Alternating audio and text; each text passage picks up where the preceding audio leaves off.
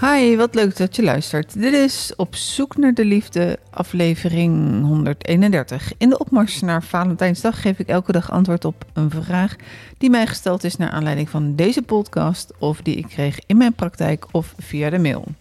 Vandaag een vraag over het verliefd worden op een getrouwde man. En de vraag komt van Lonneke. Lonneke is niet haar echte naam, maar haar echte naam is wel bij mij bekend. Ik ga beginnen. 1 à 2 procent van de mensen met een relatie kiest voor de derde partij. Dat betekent dat 98 à 99 procent van de mensen met een relatie niet kiest voor de derde partij. Mijn naam is Annette Burgers. Ik ben relatietherapeute in Den Haag en ik ben gespecialiseerd in ontrouw, vreemdgaan, overspel, een affaire en om een taboe te doorbreken, maak ik deze podcast, want ik wil het bespreekbaar maken. Ik ga beginnen met de vraag. Lieve Annette, tot op dit punt in mijn leven heb ik altijd gezegd: ik snap niet dat vrouwen een relatie aangaan met een getrouwde man. Maar nu ben ik verliefd geworden op een man, een gebonden man met twee kinderen. Onze kinderen zitten op dezelfde school, dus ik ken zijn vrouw ook. Ik ben houten de botel, super verliefd. Hij is de liefde van mijn leven. En zelf ben ik inmiddels drie jaar gescheiden en heb mijn leven goed op de rit.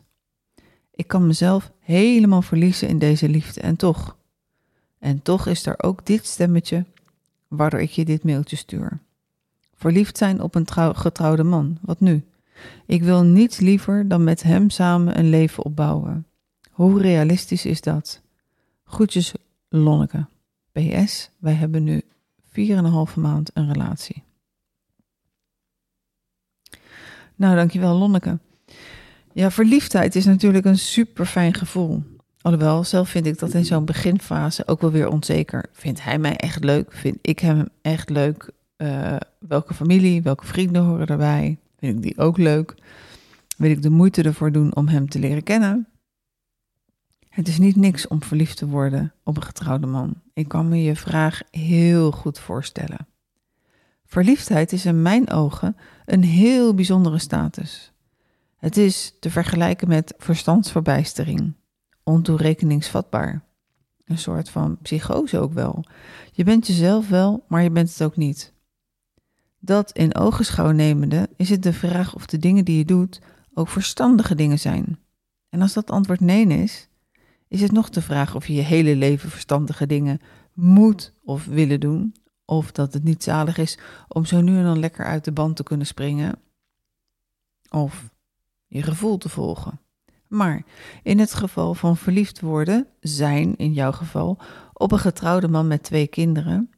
En dat de kinderen en zijn vrouw op hetzelfde schoolplein staan, is het inderdaad de vraag hoe realistisch jouw verlangen is. Ik ga een poging doen om je uitgebreid en zo zorgvuldig als mogelijk te antwoorden. De cijfers. Als we naar de cijfers kijken, dan kiest dus slechts 1 à 2 procent van de gebonden partners om de eigen partner te verlaten voor de derde partij. Dat betekent dat 98, 99 procent van de mensen hier niet voor gaat kiezen. Als je, niet verlies, als je niet verliefd bent, dan zeg je natuurlijk naar alle waarschijnlijkheid: dit risico ga ik niet, dit risico ga ik zelfs nooit nemen. Echter, als je eenmaal besmet bent met het verliefdheidsvirus, dan kan je niet meer zo helder denken. En dan krijg je waarschijnlijk ook de verliefdheidsshotjes van je geliefde, waardoor je net genoeg hebt om door te gaan. Kortom, elke keer als je twijfelt, dan krijg je net genoeg muntjes om door te gaan met die flipperkast, zodat je blijft spelen en op aan blijft staan. En elke keer als je muntjes op zijn, begin je te twijfelen. Wil je je omdraaien naar huis gaan, maar dan krijg je weer zo'n handvol met nieuwe muntjes en voilà, je speelt weer door. Jouw geliefde leeft, naar alle waarschijnlijkheid grotendeels, zijn ideale wereld. In huis heeft hij zijn gezin, zijn stabiliteit, huisje, boompje, beestje, voor alles wordt gezorgd. En buitenshuis heeft hij een romantische affaire met jou, waarin verlangens en behoeften vervuld worden die thuis gedeeltelijk of niet vervuld worden. Het beste van twee werelden. Hij bepaalt naar alle waarschijnlijkheid wanneer jullie elkaar zullen zien. En jij past jouw schema ongetwijfeld aan hem aan. Jij bent dan dus afhankelijk van hem wanneer je hem kunt zien. En hij bepaalt. Ja, dat schrijf je allemaal niet, maar die aannames doe ik omdat het meestal zo gaat. Het zou interessant zijn te onderzoeken welke hechtingsstijl jouw overspelige partner heeft. Of hier door middel van cijfers conclusies aan te trekken zijn, dat weet ik niet. Ik heb die cijfers nog nooit gezien. Maar het zou duidelijk kunnen maken. Uh, het zou kunnen, kunnen zijn dat hij onveilig gehecht is, zodat hij met jou een escapade heeft en niet voor één iemand voor langere tijd hoeft te kiezen. In dat kader is het ook interessant om te onderzoeken welke hechtingsstijl jij hebt als derde persoon. Dat je kiest voor een relatie waarin je uh, op dit moment niet op de eerste plaats komt te staan, maar waarin je iemands grootste geheim bent. Enfin, bij verliefdheid, als je verliefd wordt op een gebonden partner, dan hebben we ook te maken met ons emotionele afweersysteem. Dat is een soort van afweerreactie, of oh, je kan ook zeggen een overlevingsmechanisme. In het algemeen betekent dit dat je je beveiligt en isoleert van jouw binnenste, zodat niemand erbij kan. En je bouwt een scherm om jouw innerlijke ik. En je zet er een soort van prikkeldraad uh, voor, achter en, en aan de zijkant. Als je maar niet geraakt wordt. En jouw panzer heeft maar één doel: voorkomen dat je pijn die je ooit gevoeld hebt nog een keer zult voelen. Of het voorkomen dat die pijn die je nu voelt nog erger wordt. Schadebeperking. En hierdoor geven we onszelf in deze situatie verliefd te worden op een getrouwde man, een vader van twee kinderen, valse hoop. We blijven hopen dat die man waar je zo verliefd op bent geworden, toch voor jou gaat kiezen. Ook vanuit dit emotionele afweersysteem kun je je eigen behoefte gaan negeren. De behoefte dat jouw partner beschikbaar, bereikbaar is en dat jij ertoe doet voor hem, ook als hij op vakantie is met vrouw en kinderen en plezier maakt. Ofwel, beter nog, dat hij helemaal niet met een vrouw op, uh, op vakantie gaat en plezier maakt, maar dat hij bij jou is. Als je hoofd helder is en je keuze moet maken tussen een man die 100% beschikbaar is, of een man die 25 of 98, uh, eh, sorry, 2% beschikbaar is, dan kies je, mits je het verlangen hebt om voor een, trouw, een traditionele relatie te kiezen, natuurlijk voor de 100% beschikbare partner en niet voor een partner met de beschikbaarheid van slechts 25 of 2%. Ons emotionele afweersysteem zorgt er dus voor dat we onszelf een beetje belazeren en zelfs saboteren. Kan deze man echt van jou houden? Ja, natuurlijk kan dat. Voor mij geldt dat we, we houden allemaal van onze kinderen. Ik heb er zelf twee. Maar of je nou twee, drie of, of dertien kinderen hebt, zoals de familie Baumgart die ik ooit heb geïnterviewd. We houden van elk kind. Op een andere manier. En dat geeft ook helemaal niet. Het gaat er echt niet om dat je, dat je liefde ophoudt naar je eerste kind. Er is nog liefde genoeg voor alle andere kinderen. En dus, als dat vergelijkt, dan is het zeker mogelijk om van meerdere mannen of meerdere vrouwen te houden. De vraag is natuurlijk, hoe geef je dat vorm? Praat je hierover met elkaar? Ga je een polyamoreuze relatie aan? Of maak je er een open relatie van? Het is in mijn praktijk altijd een onderwerp om te bespreken.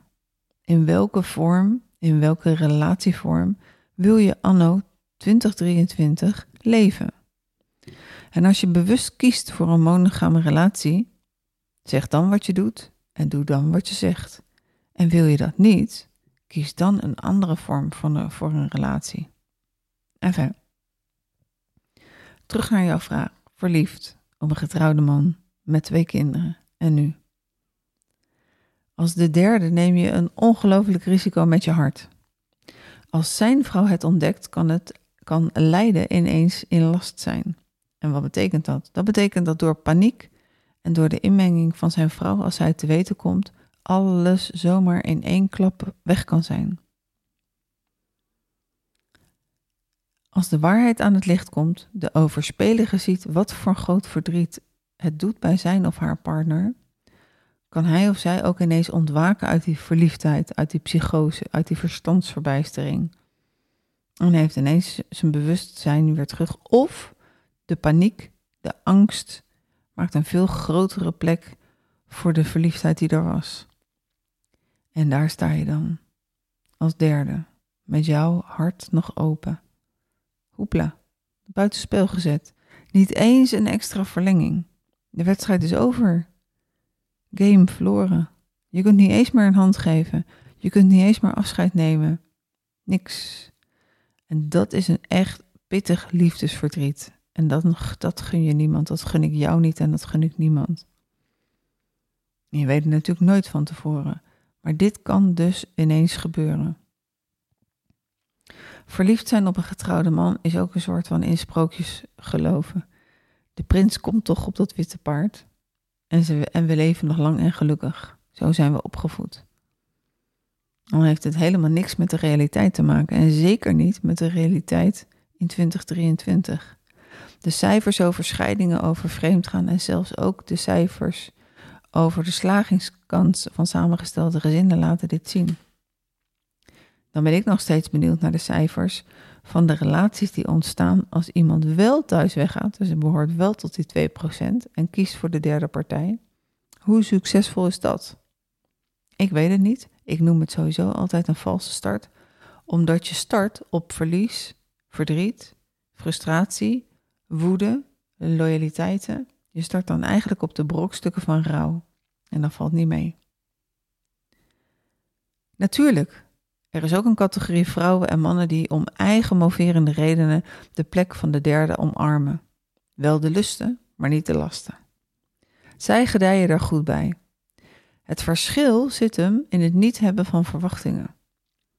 Als je geen verwachtingen, geen valse hoop hebt en samen de juiste voorwaarden maakt, dan is de relatie evenwichtig en gelijkwaardig. En dan is dat ook helemaal oké natuurlijk, als je ergens bewust voor kiest. En het geeft jou een goed gevoel. Je wordt nergens in teleurgesteld. Je bent blij als je elkaar ziet. En je bent ook weer blij als je je eigen leven op kan pakken. Maar op het moment dat je als derde wel verwachtingen hebt en de overspelige lover geen zin van plan is om weg te gaan, thuis bij zijn of haar partner, is de relatie niet gelijkwaardig en ga je zelf echt een hoop verdriet doen. En natuurlijk, degene die overspelig is, die heeft ook tijd nodig om erover na te denken. In eerste instantie zal hij of zij het nooit van plan zijn. Er kan een moment komen om het wel van plan te zijn. Maar als je dan schikt, dan kan ik weer helemaal terugkomen naar het begin om het niet te gaan doen. Om een lang verhaal kort te maken, Lonneke, het is best heel gecompliceerd. En zoals je schrijft, je bent al hoog de boter verliefd, dus kun jij nog wel een goed overwogen beslissing nemen. Mijn advies is om iemand in jouw omgeving uit te kiezen om het gesprek mee aan te gaan. Je mag ook een professional zijn. En te kijken welke behoeften jij bij jezelf vergeet en hoe of wat de gevaren voor jouw hart zijn. En dat kan ook te maken hebben met codependency, wat, wat, wat, wat zijn je scores? Zit je bij een love addict, een, helpers, een helperholic? Um, en wat, wat, wat hoort bij jou? Hoop doet leven is natuurlijk een heel motiverende slogan. En dat geldt zeker in heel veel gevallen als het gaat om gezondheid. Echter, hoop kan je ook afhouden van het accepteren van de realiteit. En dat zou zomaar in deze situatie kunnen zijn. Ik kan je echt helaas niet zeggen wat je moet doen. Ik hoop wel dat, je door mijn invalshoeken met een goede bril kunt kijken naar jouw situatie. Zoek in ieder geval iemand met wie je goed kunt sparren. Iemand die jou tegengas durft te geven. Iemand die een critical friend voor jou is. En iemand die er ook kan zijn om je te steunen. Ik wens je in ieder geval heel veel wijsheid en liefde toe. En als je nog wat te vragen hebt, en laat me ook weten hoe het verder loopt. Dankjewel voor je vraag. En voor de luisteraars, als je nog een vraag hebt, het is nog wel een kort dag voor uh, Valentijnsdag, maar je kan hem altijd sturen. Het kan altijd de input zijn voor een uh, podcast. En dankjewel als je de moeite neemt om je feedback te geven, uh, je vraag te stellen of iets van die strekking. Mijn naam is, zoals ik gezegd heb, Annette Burgers. Ik ben relatietherapeute en podcasthost van Op Zoek naar de Liefde. Mijn praktijk heet YouTube Coaching. En ik werk fysiek live in mijn praktijk in de wijk Duinoord. Niet te verwarren met de wijk Duindorp, maar wel allebei in Den Haag. Ook werk ik veel online met mensen die ver weg van Den Haag wonen en af en toe hierheen komen. Of we werken gewoon 100% online. Ik ben de ontrouw-expert van Nederland. Ook ben ik gespecialiseerd in het verbeteren van communicatie en mede daardoor het verbeteren van de verbinding in de relatie. En als, lang als het langst ben ik specialist in het brengen van meer rust en harmonie in samengestelde gezinnen. Neem vooral een kijkje op mijn website www.youtubecoaching.nl. En in deze maand kan je gratis mijn relatiescan aanvragen die ik normaliter alleen heb voor mijn cliënten, zodat je samen kunt kijken, jij en je partner, of jij in ieder geval voor jezelf, hoe het gesteld is met jou of jullie tevredenheid in jullie relatie. Je kunt ook mijn gratis e-book aanvragen om je relatie weer op de rit te krijgen nadat een van jullie is vreemd gegaan. Dan kan je alvast stap 1 zetten. In een relatie wordt 1 op de 4 verliefd op een ander. En toch is het een taboe.